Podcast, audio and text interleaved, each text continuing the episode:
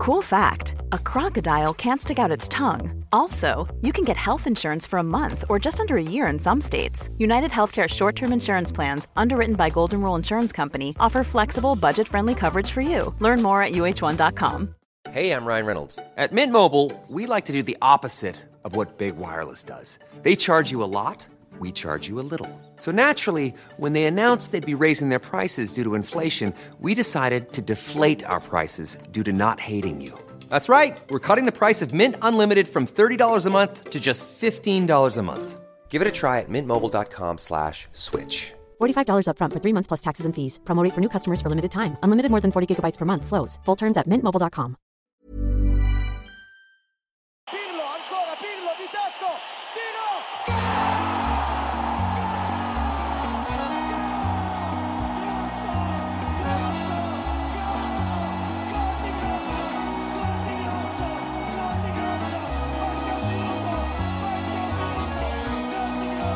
Då är det ett sant och varmt nöje att hälsa er välkomna tillbaka till Calcio Amore podcast. Jag heter Marcus Tottibiro. Och det är såg jag ju över två månader sedan vi körde en podcast och det har ju det är ju alldeles för lång tid som vi säger. Men det har sina randiga skäl och rutiga orsaker eller vad det heter. Det har helt enkelt att göra med de eh, yrkesmässiga villkor som vi då alla som jobbar med ideella grejer då befinner oss i med jämna mellanrum. Nämligen att vi måste prioritera sånt som genererar pengar till lön. För min egen del så är det ju ingen hemlighet att jag har varit eh, ehm, vad ska vi säga, tufft ekonomiskt, tufft yrkesmässigt och det är ingen annans fel än mitt eget. Så jag skyller inte ifrån mig, jag vill bara ge en förklaring till det. Pratade lite grann med, på Twitter med Mikael från podcast Rossoneri också om att det är ju ständigt ideellt, ständigt mer eller mindre gå minus, gå back. Eh, för att försöka bibehålla mm, Nej men man vill ju, man älskar, man drivs av det, man kan inte låta bli liksom. Det är som ett naturbehov. Jag måste få prata, skriva, känna, blöda, längta, drömma Italien och italiensk fotboll. Samtidigt som eh, när man under ett års tid har jagat allt och alla från eh, vad de nu hette, de som hade kanalen ett tag men sen försvann, de här Strive och sen över till Simor. Vi jagar och vi försöker få komma i kontakt och vi säger vi kan göra grejer gratis, vi kan göra och så får man bara nej, nej, nej, nej, nej, nej, nej överallt. Till slut blir man bara så jävla less på skiten så att man orkar inte helt enkelt och måste dessutom då prioritera grejer som genererar pengar. Ehm, jag jobbar liksom dygnet runt, precis som många andra. Eh, mer eller mindre dygnet runt och ibland mer än så. Eller oftast mer än så. Med allting som jag, som jag gör. Och ehm, det är Studio Allsvenskan bland annat och det är krönikor och det har varit Örebro Sportklubb. Vi får se hur det blir. Jag hoppas att det fortsätter. Men det är tufft. Men eh, nu ska jag sluta gnälla. Jag har gnällt färdigt. Jag bara, eller jag tycker inte det är gnäll. Jag bara försöker ge en förklaring till varför det inte har kommit en podd på två månader. Ehm, Och ehm, ja, men så ser våra villkor ut. Vi försöker ju ändå kämpa på. Vi har ju vår Facebookgrupp, vi har vår hemsida, vi har våra skribenter och krönikörer som vi är otroligt stolta och glada över. Kan också då nämna att Romresan i januari är, slutbok, är fullbokad. Ehm, ett 20-tal personer har eh, anmält sig och betalat in och det blir av.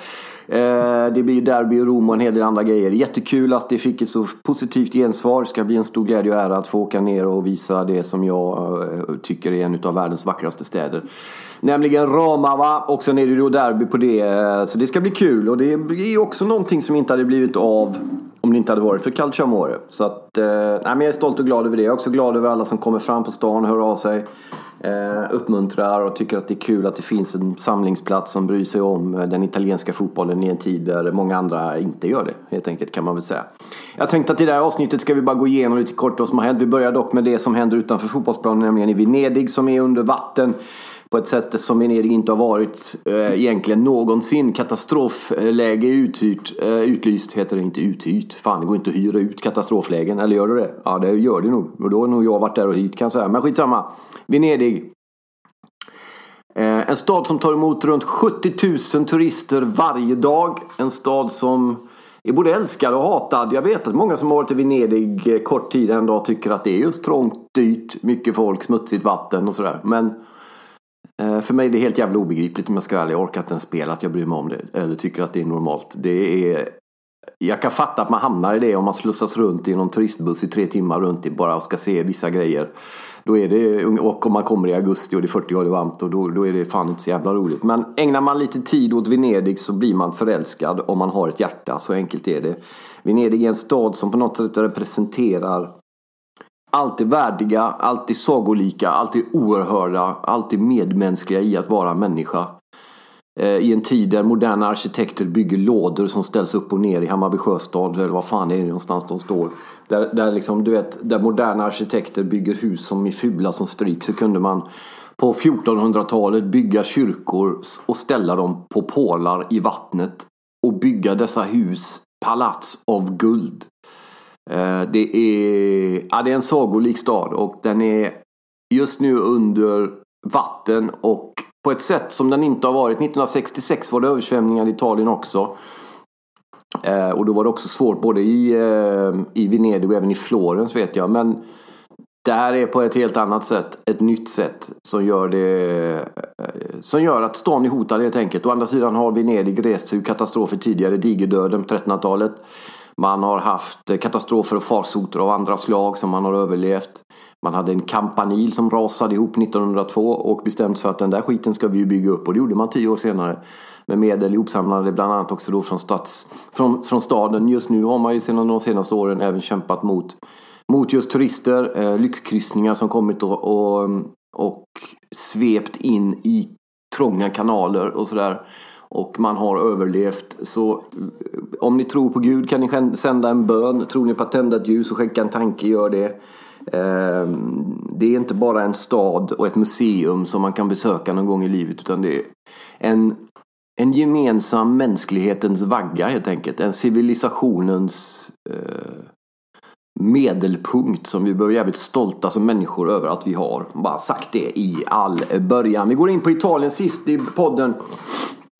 Eh, som var då i mitten av september så hade Italien sex segrar i EM-kvalet. Nu har man tio, eh, tio raka segrar eh, i eh, EM-kvalet i tävlingsmatch för landslaget. Det är någonting som aldrig tidigare hänt. Eh, och en grej som är värt att notera tycker jag efter 3-0-segern borta mot eh, ett, ska vi ju med all respekt säga, värdelöst Bosnien så är det ändå intressant för att Italien i matcher som inte betytt något har genom hela historien, och den är rätt lång när det gäller landslaget, faktiskt varit ett bedrövligt landslag. Det har liksom varit dåligt, eh, eh, fantasilöst, energilöst. Men den här gången så var det ett, ett avslappnat Italien som spelade fin fotboll och rullade bort Bosnien. Och nu har man ju då vunnit för första gången någonsin tio raka tävlingsmatcher ska vi säga då. Eh, och det har aldrig hänt tidigare. Eh, fantastiskt intressant såklart eh, att de gör det. Sen ska det ju sägas att det här var en ganska väldigt enkel grupp. Men oavsett det så är det ju faktiskt starkt och värt att notera tycker jag. Ehm, och eh, det, det hör verkligen inte till vanligheten att Italien vinner matcher som då mm, på pappret inte betyder något så att säga. Träningsmatcher och italienska landslaget är ju tråkigare än att kolla på när målarfärg torkar. Eh, kul också att Cherby gjorde mål. Eh, Verratti spelade inte på grund av skada. Men det kändes knappt för att det kom in otroligt mycket bra spelare. Belotti gjorde mål. Atalantas målvakt Collini fick komma in med några minuter kvar och göra landslagsdebut. Och även en landslagsdebutant Eh, fick speltid, nämligen eh, eh Getano Castrovilli från Fiorentina. Eh, så är det. Det är Armenien som väntar på tisdag. Sen är det lottning den 30 november. Och eh, Italien öppnar hela EM på hemmaplan i Rom den 12 juli nästa år. Då kan ni också boka in Stadio Olimpico för att kolla Italien spela EM. Men det är kul tycker jag. De har gjort det jävligt bra. De är, de är, Mancini har fått bygga och fått göra det riktigt, riktigt bra. Kul också med när det gäller Serie A, Italien och Sverige att vi har ju då eh, ja, vad ska man säga? Det är ju många olika aspekter. Naturligtvis handlar en stor sådan om Zlatan Ibrahimovic som det talas om ska möjligen återkomma till Serie A. Det har ryktats om det förut och det har varit väldigt nära ryktesmässigt och sen har det ännu inte blivit. När han skulle till USA så talades det en del om eh, Italien också under tiden i USA så har det talats om att han skulle liksom återvända till Europa och Serie A. Han är ju nu 38 år. Är det någon liga han skulle platsa i så är det väl Serie A där det går lite långsammare och lite sådär skönare. Och han kan landet, han kan han trivs bra, han kan ligan eh, och sådär. Det skulle bara vara intressant vilket lag det i så fall skulle bli eh, eftersom han har en förmåga att bara välja lag som han kommer till som vinner ligor. Um, vilket han naturligtvis inte bara väljer för att han vinner när han väljer det utan han vinner, de vinner ju det för att han är där. Men uh, skulle han välja Roma eller Napoli så känns det ju tufft att de skulle vinna. Men kanske Napoli med Zlatan skulle kunna vinna ligan, jag vet inte. Um, Annars är det ju det är mycket surr om Zlatan såklart i Italien. Det har pratats om Bologna, Napoli, Roma, flera andra klubbar också. Så det är ju intressant att se om han möjligen skulle kunna om han skulle kunna ta sig till Italien. Vi får se en annan svensk som är klar för landslaget som de har fått upp ögonen för via Parma. Det är ju då naturligtvis Dejan Kulusevski som har gjort det riktigt jävla bra. Kommer in i landslaget nu i Sverige som också tagit sig till EM och det vet ni ju. Ehm, också intressant det är ledarskap. Träffade Jan Andersson i Studio Allsvenskan under en lång intervju för några veckor sedan och det är otroligt spännande att eh, under två timmar får lyssna på en, person som Jan Andersson som ju då leder det svenska landslaget. Och hur han är som ledare. För det är inte bara det som sägs och det han säger och hur han spelar och hur han tänker. Utan också ganska mycket handlar det ju om vilken typ av människa det är, stämningar i rummet, vilken typ av ledare det är. Och det är intressant att se hur Sverige lyckas ta sig till ännu ett mästerskap genom att göra det Sverige alltid har varit bäst på. Nämligen att samordna laget och till slut, efter ganska lång tid, få spelare som både Sebastian Larsson, Kristoffer Olsson och eh, Emil Forsberg att briljera. De, det är utan att det gör avkall på kollektivet. För så har det ju varit tidigare i Sverige med Zlatan bland annat. Att man har haft ett relativt starkt kollektiv men som har slokat när de har haft en stor superstjärna. Nu har man skruvat på kollektivet först och i detta starka kollektiv har man vridit upp volymen på, eller på Forsberg och på några till. Vilket gör att då landslaget blir ännu bättre även som lag betraktat. Så det är stort och mäktigt av Sverige att ta sig till ännu ett mästerskap och de gör det liksom en match kvar. Ehm, och de gör det då tillsammans med Spanien som går vidare från den gruppen.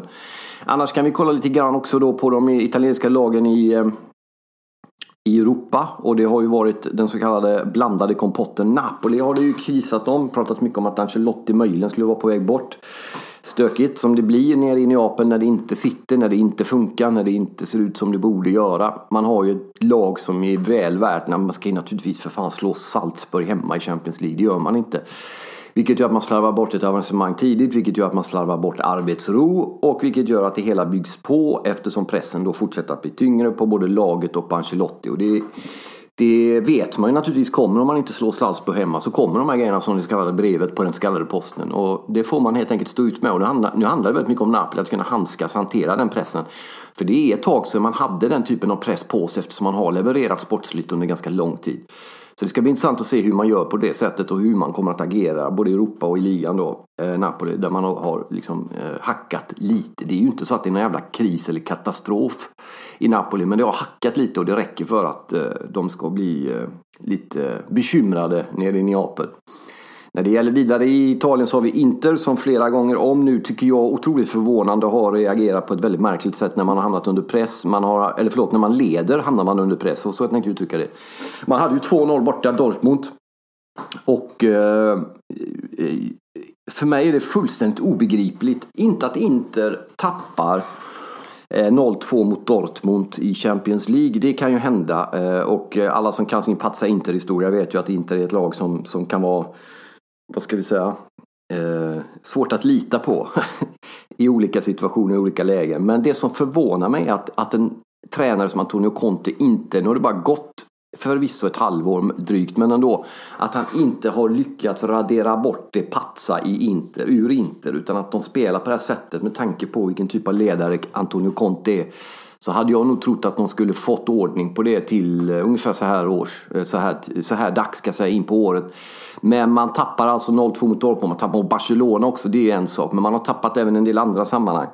Och det måste falla på Antonio Conte. Det är inte att man kan skylla på som man gjorde efter matchen, inför matchen mot Verona där man också hamnade i underläge. Där bröt man dock ett mönster genom att komma tillbaka mot ett eh, relativt starkt nykomlingslag som Verona. Och det såg man också för er som såg den matchen när Inter vände och vann den det jublet och de segerscenerna som var när Inter hade med Barella gjort ett fantastiskt nytt mål för övrigt. När han stänker in 2-1 för Inter där. Den glädjen som eh, de visar när de då avgör en match mot en nykomling på hemmaplan visar ju att man har haft och levt under en stor press av det här. Så frågan är om detta då, nu har det varit landslagsuppehåll så vi får väl se, men frågan är om det kan vända för Inter Eh, därför det är anmärkningsvärt att eh, som lag betraktat och Antonio Conte tycker jag kom lite billigt undan efter Dortmund där han går ut och säger att det är trötta spelare, laget blir trötta, vi orkar inte riktigt och sådär. Det är ju hans uppgift att se till det för det är naturligtvis inte så att man fysiskt är liksom tröttare än Dortmund är utan det är en mental inställningsfråga som inte funkar efter 2-0 mot Dortmund som sen gör en dålig halvlek, kommer in och gör en bra halvlek. Men att man tappar inte bara till liksom, eh, kryss eller något sånt utan man släpper in tre mål och inte ens nära att komma till att göra ett mål till i andra halvlek utan man rasar rakt igenom som en jävla magbakterie i andra halvlek mot Dortmund. Det är Antonio Contes ansvar att se till att det inte sker. Kan jag tycka. Men eh, det är ju kvar omgångar där, de kommer få kriga vidare. Juventus krigar på, eh, gör det som Juventus och Antonio Conte brukade göra med Juventus, nämligen avgöra sent som man gjorde borta mot Moskva, man gjorde det även hemma mot Moskva.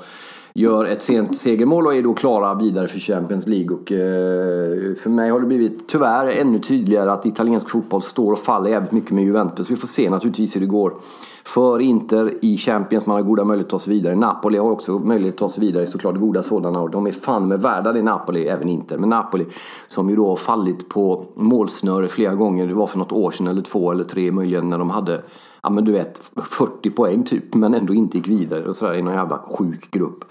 Eh, så att man hoppas att man kan komma till rätta med det som behöver kommas till rätta och så får man se till att eh, lösa det helt enkelt. Ehm, Eh, så så är det. Så det har varit en intressant landskampssäsong. När det gäller Roma sen, om vi tar dem kort då, vi ska komma in på Juventus också. Eh, Roma som förlorar mot eh, Mönchengladbach va? i Europa League. Hackar där, hackar i ligan. Fick stryk mot Parma, ett otroligt bra Parma ska vi säga. Att se Jovinko spela fotboll. Jovinko är en av de där en av de i särklass bästa spelarna som aldrig blev riktigt världsbäst om ni fattar vad jag menar. Där är han på topp tre av dem i hela världen genom alla tider känns det som. Han är precis på gränsen till att vara sådär överjävligt grym. Eh, eh, och sen så ibland faller han igenom. Det är kanske är klart att Parma är något mindre skål att simma runt i än till exempel eh, Arsenal och Roma som har varit innan. Men han är mm, Ja, fan vad nyttig han är alltså. Framförallt i ett land som Italien och i en klubb som Parma som förstår hur man ska spela honom så gör han ju så otroligt stor skillnad för sitt Parma. Hur som helst, Parma vinner 2-0 mot Roma. Det är inte bara Djevinkos förtjänst. Det är ju Roma gör en relativt okej okay insats ändå i den matchen. Men Parma är bra alltså. Och eh, kul att se Dejan Kulusevski i den här matchen som var ju brutalt bra. Alltså, han skulle ju, fan det är ju startspelare för landslaget i den här matchen. Eh, jättekul att se en spelare som många kanske inte hade koll på innan han kom till Parma eh, rikta sökljuset för svensk fotboll mot Serie A, mot Parma och mot honom själv såklart. Och det är han väl värd. Eh, Roma har mycket att jobba på, har kommit en bit på vägen, slog ju Napoli bland annat och gjort en del bra resultat och ligger väl hyfsat till där man ska ligga i ligan. Eh, tycker att det ser okej okay ut ändå. Det är några saker som behöver putsas, putsas på naturligtvis, flera saker, många saker. Men... I'm Nick Friedman. I'm Lee Alec Murray. And I'm Leah President. And this is Crunchyroll Presents The Anime Effect. We are a new show breaking down the anime news, views, and shows you care about each and every week. I can't think of a better studio to yeah. bring something like this to life. And yeah, I agree. We're covering all the classics. If I don't know a lot about Godzilla, which I do, but I'm trying to pretend that I don't right Hold now. it in, hold on. And our current faves. And... Luffy must have his due. Tune in every week for the latest anime updates and possibly a few debates. Oof. I remember, what was that? Mm. say what you're going to say, and I'll circle back. You can listen to Crunchyroll Presents The Anime Effect every Friday, wherever you get your podcasts, and watch full video episodes on Crunchyroll or the Crunchyroll YouTube channel.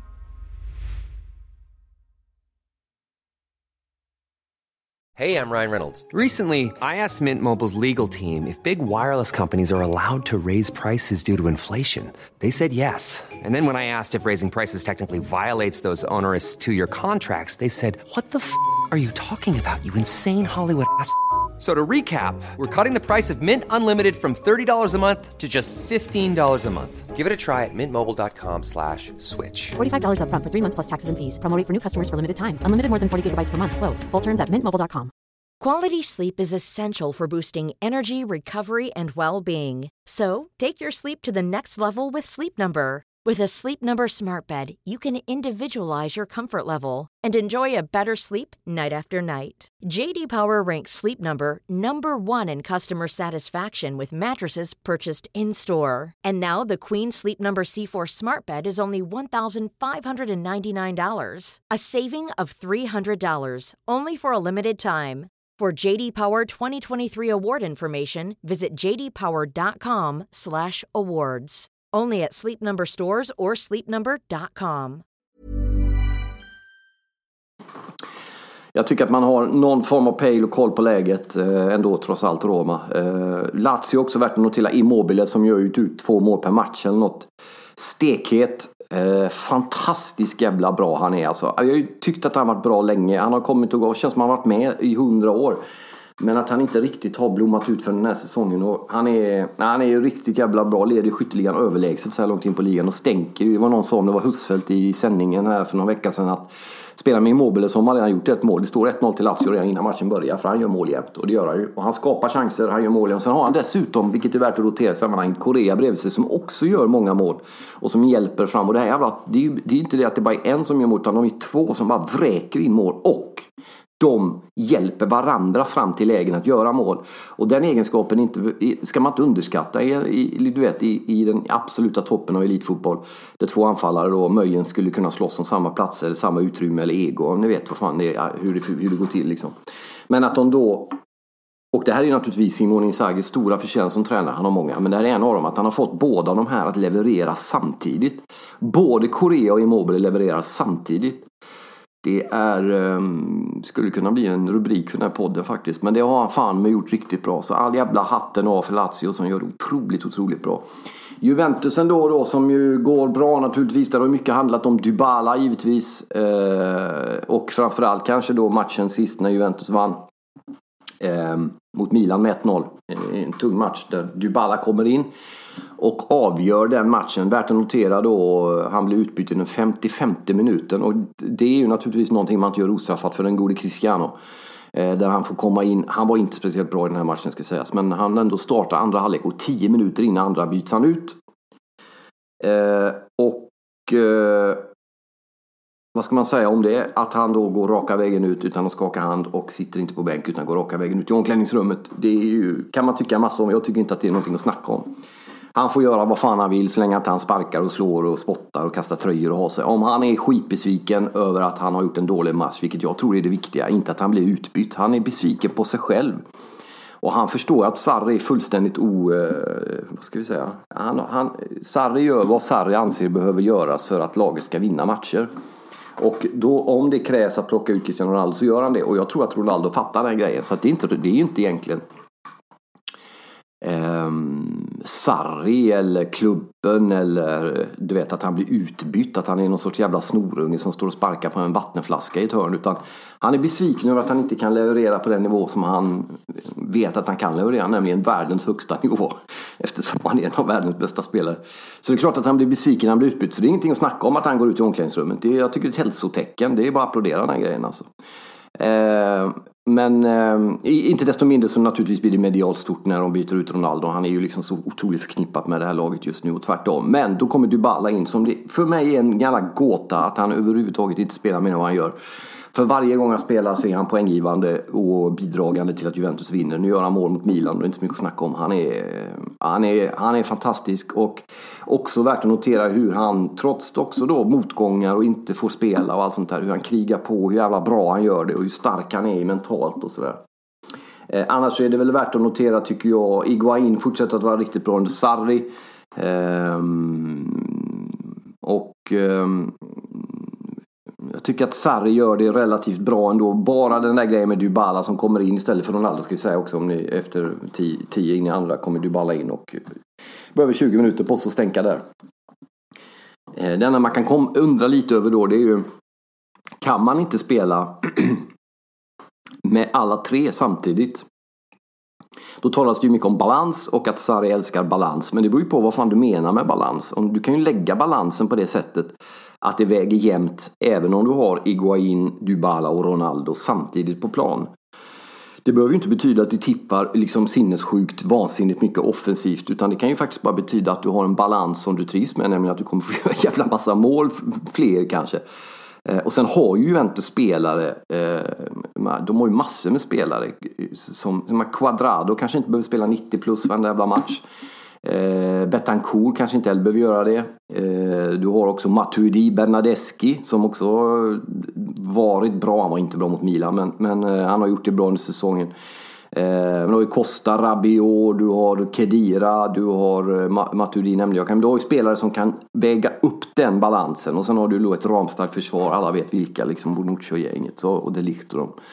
Så att eh, jag tycker inte ens det vore speciellt modigt eller oj eller offensivt du vet galet att köra Dybala, Iguain och Ronaldo. Ronaldo är ju ingen renodlad anfall. Du kan använda Ronaldo också i någon sorts, du vet, halvsläpande. Eh, om du flyttar ner eh, Eh, Pjanic något eller ut på någon liten kant eller sätta Ronaldo på vänsterkanten. Han gillar ju att komma eh, springande på kanterna också. Så det finns många alternativ där. Ehm, så det är spännande såklart. Eh, men det krävs ju då att ett lag som Inter, Napoli, Roma och Atalanta och några till gaskar upp sig så att vi får en något jämnare liga den här säsongen. Eh, ett lag som definitivt har gjort det intressantare den här säsongen är naturligtvis Cagliari då som ju är eh, säsongens lag så här långt. Och det är så jävla kul tycker jag för Robin Olsen som ju fick ta en hel del oförtjänt skit under sin tid i Roma och blev på något sätt syndabocken för att det gick eh, trögt förra säsongen. Och han var inte sämre än någon annan, tvärtom, i många matcher. Men han fick bära det så kallade hundhuvudet.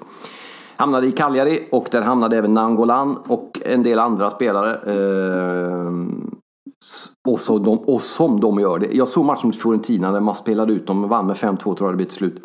Men de är, ja, de är, det är något helt jävligt att se Cagliari spela fotboll. De är fantastiska just nu. Frågan är om man håller och hur länge man håller det. Eh, och om man kan bli den nya säsongens Atalanta, typ Atalanta som också går rätt bra i år för övrigt. Men det är kul för eh, Cagliari, kul för Sardinien, kul för ett anrikt lag som var med och vann ligan, ja det är väl 70 eller 71 tror jag de vann. Något sånt där. Har ju haft flera fantastiska spelare i sitt stall. Gigi Riva är det många som vet, känner till. Eh, vet ni inte så googla era jävlar. Om inte annat så vet ju många Zola säkert som ju också var i Chelsea under en tid där och i landslaget som ju har sina rötter i, eh, på Sardinien. Eller rötter vete fan, han spelar mycket för eh, Cagliari Sardinien i alla fall. Jag tror han har ruttnade också. Jag tror han är inblandad just nu i laget också. Fantastiskt kul att följa när det är ett lag som sticker upp i en ganska så satt liga på början liksom. Eh, så så är det med den saken. Vi ska kolla lite svensk fokus också när det gäller Serie A. Det är ju ändå intressant Och förutom då Zlatan och, och vår vän i Parma så har vi ju en del andra spelare som också gjort det relativt bra. Vet du, Bologna har ju haft en del. Eh, men det, det som känns tycker jag just nu fortfarande om man kollar på den mediala bevakningen det är ju att man har, det är ju Simor som har Serie A. Eh, och de som jobbar där gör ju naturligtvis så gott de kan. Men det är trött. Det är riktigt jävla trött. Det är jag som rör mig mycket i fotbollskretsar i Sverige. Träffar sportchefer, spelare, ledare, lagkaptener, chefredaktörer, journalister. Serie A är eh, inte på tapeten överhuvudtaget kan man väl säga. Så enkelt är det. Och vi är några stycken som sliter och drar och försöker lyfta och, och vi jobbar på efter bästa förmåga men det är tufft. Så Simor, eftersom ni inte lyssnar på det här men någon annan gör det så kan ni skicka ett mejl och säga hör av er till mig så kan jag hjälpa er att lyfta Serie A på, till helt nya nivåer. Och jag gör det mer eller mindre gratis dessutom. Men eh, då får ni fan med höra av er någon jävla gång alltså. Eh, hör av er till Calciamore-gänget. Vi är flera som skulle kunna träda in och lyfta Serie A utan att ens ta betalt för det. Och jag fattar inte varför ni inte tar den chansen. Där var jag lite bitter men ni får fan vara överseende med den skiten alltså. Så är det med den saken. Ehm, vi kan väl också konstatera att det här landslagsuppehållet gör ju att det blir eh, lite hackat och lite sådär halvmalet. Nu har Italien Armenien, det är ju då liksom redan klart sedan länge och så. Men eh, det ska bli intressant att se sen när ligan drar igång igen vilka, hur det kommer att utkristallisera sig och hur det kommer gå och hur det kommer att bli och framförallt de här sakerna vi har pratat om nu, hur det kommer att fortsätta. Lazio kommer att fortsätta ösa in mål. Hur blir det för Inter och Conte? Kommer de kunna ta upp jakten på Juventus? Kommer Juventus hålla i? Kommer de orka hela vägen? Kommer Roma, är de fågelfisk eller den här jävla igelkotten mittemellan? Ja, ni fattar. Så det ska bli spännande att se den grejen. Jag eh, törs inte lova att det kommer ett avsnitt eh, nästa vecka men jag törs lova att det lär inte dröja två månader till nästa gång i alla fall. Någon jävla måtta får det fan med vara alltså. Vi tar tabellen kort också. Den leder ju Juventus men bara en poäng före Inter. Men sen är det ett glapp. Sen är det Lazio på tredje plats med 24 poäng. Och sen så är det Cagliari 24. På fjärde plats ligger Cagliari alltså. På Europaplats, på Champions League-plats är Cagliari just nu. Fan, det är stort alltså. Femte plats Atalanta. Och bara stannar vi Atalanta också som gjorde en fantastisk säsong förra året. Har ju gått till Champions League, där har de ju bara rasat rakt igenom. Har inte haft en chans mot något av lagen. Och det tror jag bara har att göra med erfarenheter. Det är Extremt svårt att komma som, nu är inte Atalanta helt nya i de här, det var ett tag sedan. De har faktiskt spelat Europaspel förut, men det är länge sedan. Och man märker det, eh, det är inte så att de är så jävla mycket sämre än lagen i den, de, i den gruppen. De hamnar i en rätt svår grupp, men det handlar väldigt mycket om erfarenhet och det handlar egentligen bara om att, ja, att utsätta sig för erfarenheten för att bli drabbad av den och kunna tillgodogöra sig den. Det handlar helt enkelt om att bara sätta sig och göra matcherna, eller sätta sig behöver man inte göra, det är ju dumt, men att man gör de här matcherna. Nu har man fått stryk allt och stort hela vägen. Men man är fortfarande, vad det jag skulle komma till. Det som är intressant med dem, det är att de faktiskt är på femte plats fortfarande. Bara två poäng upp till, till, till tredje platsen. Eh, trots att många såg på dem som ett, eh, ett lag som, som eh, presterade över förväntan förra säsongen. Men man är med i år igen och den kontinuiteten tror jag är fullständigt eh, eh, nödvändig och den är väsentlig och den är sjukt imponerad eh, över eh, att de har den. Är jag, dålig ordföljd, men ni fattar. Det är mäktigt att se att de så här långt efter 12 omgångar fortfarande är bland de fem bästa lagen med bara två poäng upp till tredjeplatsen. platsen. Eh, ett annat lag som också har eh, bara två poäng upp till tredjeplatsen, det är jämnt i toppen eftersom det bara gått 12 omgångar, är Roma som är på sjätte plats. Och så är det Napoli då på sjunde plats. Som faktiskt har ett glapp upp till Roma på tre poäng. Och det är ju inget jätteglapp, men man har en bit upp och man är ju då redan eh, 13-14 poäng, eller vad blir det? 13 poäng upp mot till Juventus i toppen och 12 till Inter på sin sjunde plats. Sen har vi då Parma på åttonde plats, Fiorentina nionde plats. Ehm, ett Fiorentina som ju då spelat riktigt fin fotboll fram till den här mot Cagliari, men de har gjort det bra ändå. Hellas Verona, bästa nykomling på tionde. Torino 11, Udinese 12, Sassuolo 13. Och sen har vi ju ett lag som inte ens har kommit till än, som jag tänkte ta lite grann kring nu. Och det är Milan på en fjortonde plats. Som alltså då ligger, eh, ja, fyra poäng eh, ifrån nedflyttning. Ska inte skratta åt det. Men de klart de inte kommer att åka ur. Men det är, det är ett lag i stor identitetsförvirring. Man bytte ju tränare mitt i. Det vet ni. Gianpaolo lämnade. och eh, Stefano, po Stefano, Stefano Poli kom in, Pioli kom in. Vi ska säga det att det har ju varit mycket snack om, om honom. Han har ju en interhistoria i släkten och familjen och supporterskap. Eh, och det tycker inte jag ska bära honom till last överhuvudtaget. Jag tror att man kan vara förbannad på honom av många anledningar men man bör i så fall rikta en del av den vreden mot Milans ledning. Som ju valde Gianpaolo och som gick i god för honom och som sen sa att nej det var inte rätt. Och sen försöka då äta kakan och ha den kvar och säga att Gianpaolo blir inte rätt. Um, och varför blev han inte rätt? När vi då trodde på honom. Det var ju vi som gick i goda för honom. Ja men nu tror vi på det här istället. Och det har ju inte burit riktigt. Man har vunnit en match som det var mot Lecce hemma. Sen har man fått stryk. Då har man ju mött svåra motståndare, Roma och uh, um, Juventus sist. Eh, men det är ett identitetsförfall Milan som är plågsamt att se. Det, det är ju en, en, alla vet vilken jävla klubb det här är och vilken anrik förening det är. Men att man inte får till det här. Jag var i Italien två veckor i oktober på en försenad bröllopsresa som vi hade.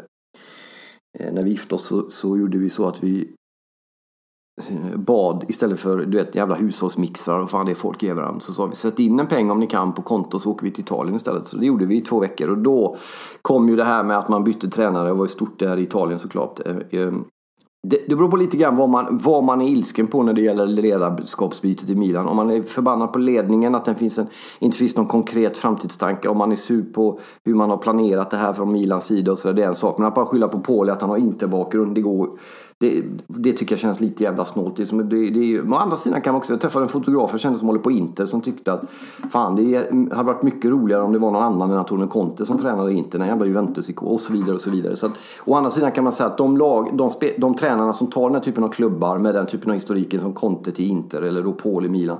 De vet ju om också vilken oerhörd press de kommer få på sig på grund av det här. Vilket gör att de i sin tur kommer jobba stenhårt för att bevisa för supportrar och andra att man faktiskt är rätt man för det här laget. Sen om, de, om Paul är rätt man för Milan ändå återstår ju att se. Men att det är en fotbollstänkare och en medmänniska av rang, det går det ju inte att snacka bort. Liksom. Eh, men det är klart att resultaten måste komma snart. Annars behöver inte bara Paul lämna utan även ledarskapet i Milan behöver ta med fan ställa sig framför en hyfsat nyputsad spegel och kolla vad är det som eh, inte funkar här helt enkelt. Och, och om, de har kapab om de är kapabla att göra det, det, det återstår ju att se. Så det om Milan också då som ju då faktiskt ligger på 14 plats. Bakom sig Bologna, Lecce, Genoa, Sampdoria med Ranieri numera som har tagit ett kliv uppåt sista matcherna. Där vi har sett Albin Ekdal lagkapten faktiskt. Eh, och näst sist är Spal och sist är Mario Balotellis Brescia med 7 poäng. Eh, så så ser det alltså ut. Eh, stort tack för att ni har lyssnat. Stort tack för tålamodet. Att ni har hängt i och frågat efter avsnitt och sådär. Jag ska göra vad jag kan för att eh, det ska komma något mer regelbundet i framtiden. Stort tack också till Erik Bornstav som klipper och publicerar och producerar den här. Tack till alla skribenter och samordnare på Calcio Amore, Nathalie, eh, Fredrik eh, och alla ni andra också. Eh, stort tack till dig som lyssnar. Vill du sponsra eh, Calcio Amore med en 20 eller 2 så går det bra. 0709 622 i swishnumret. Om inte annat så eh, hoppas jag att ni har haft överseende med två månaders paus. Nu är vi igång igen och jag hoppas att det ska kunna rulla på mer regelbundet. Tack för att ni är med och Eh, ta hand om er så hörs vi förhoppningsvis relativt snart i alla fall. Tack så mycket, arrivederci, ci vediamo fra poco.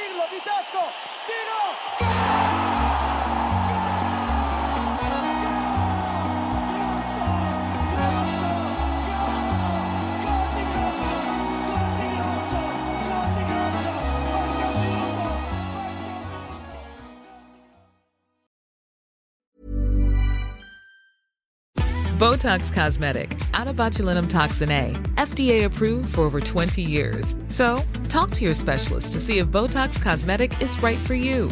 For full prescribing information, including boxed warning, visit BotoxCosmetic.com or call 877-351-0300. Remember to ask for Botox Cosmetic by name.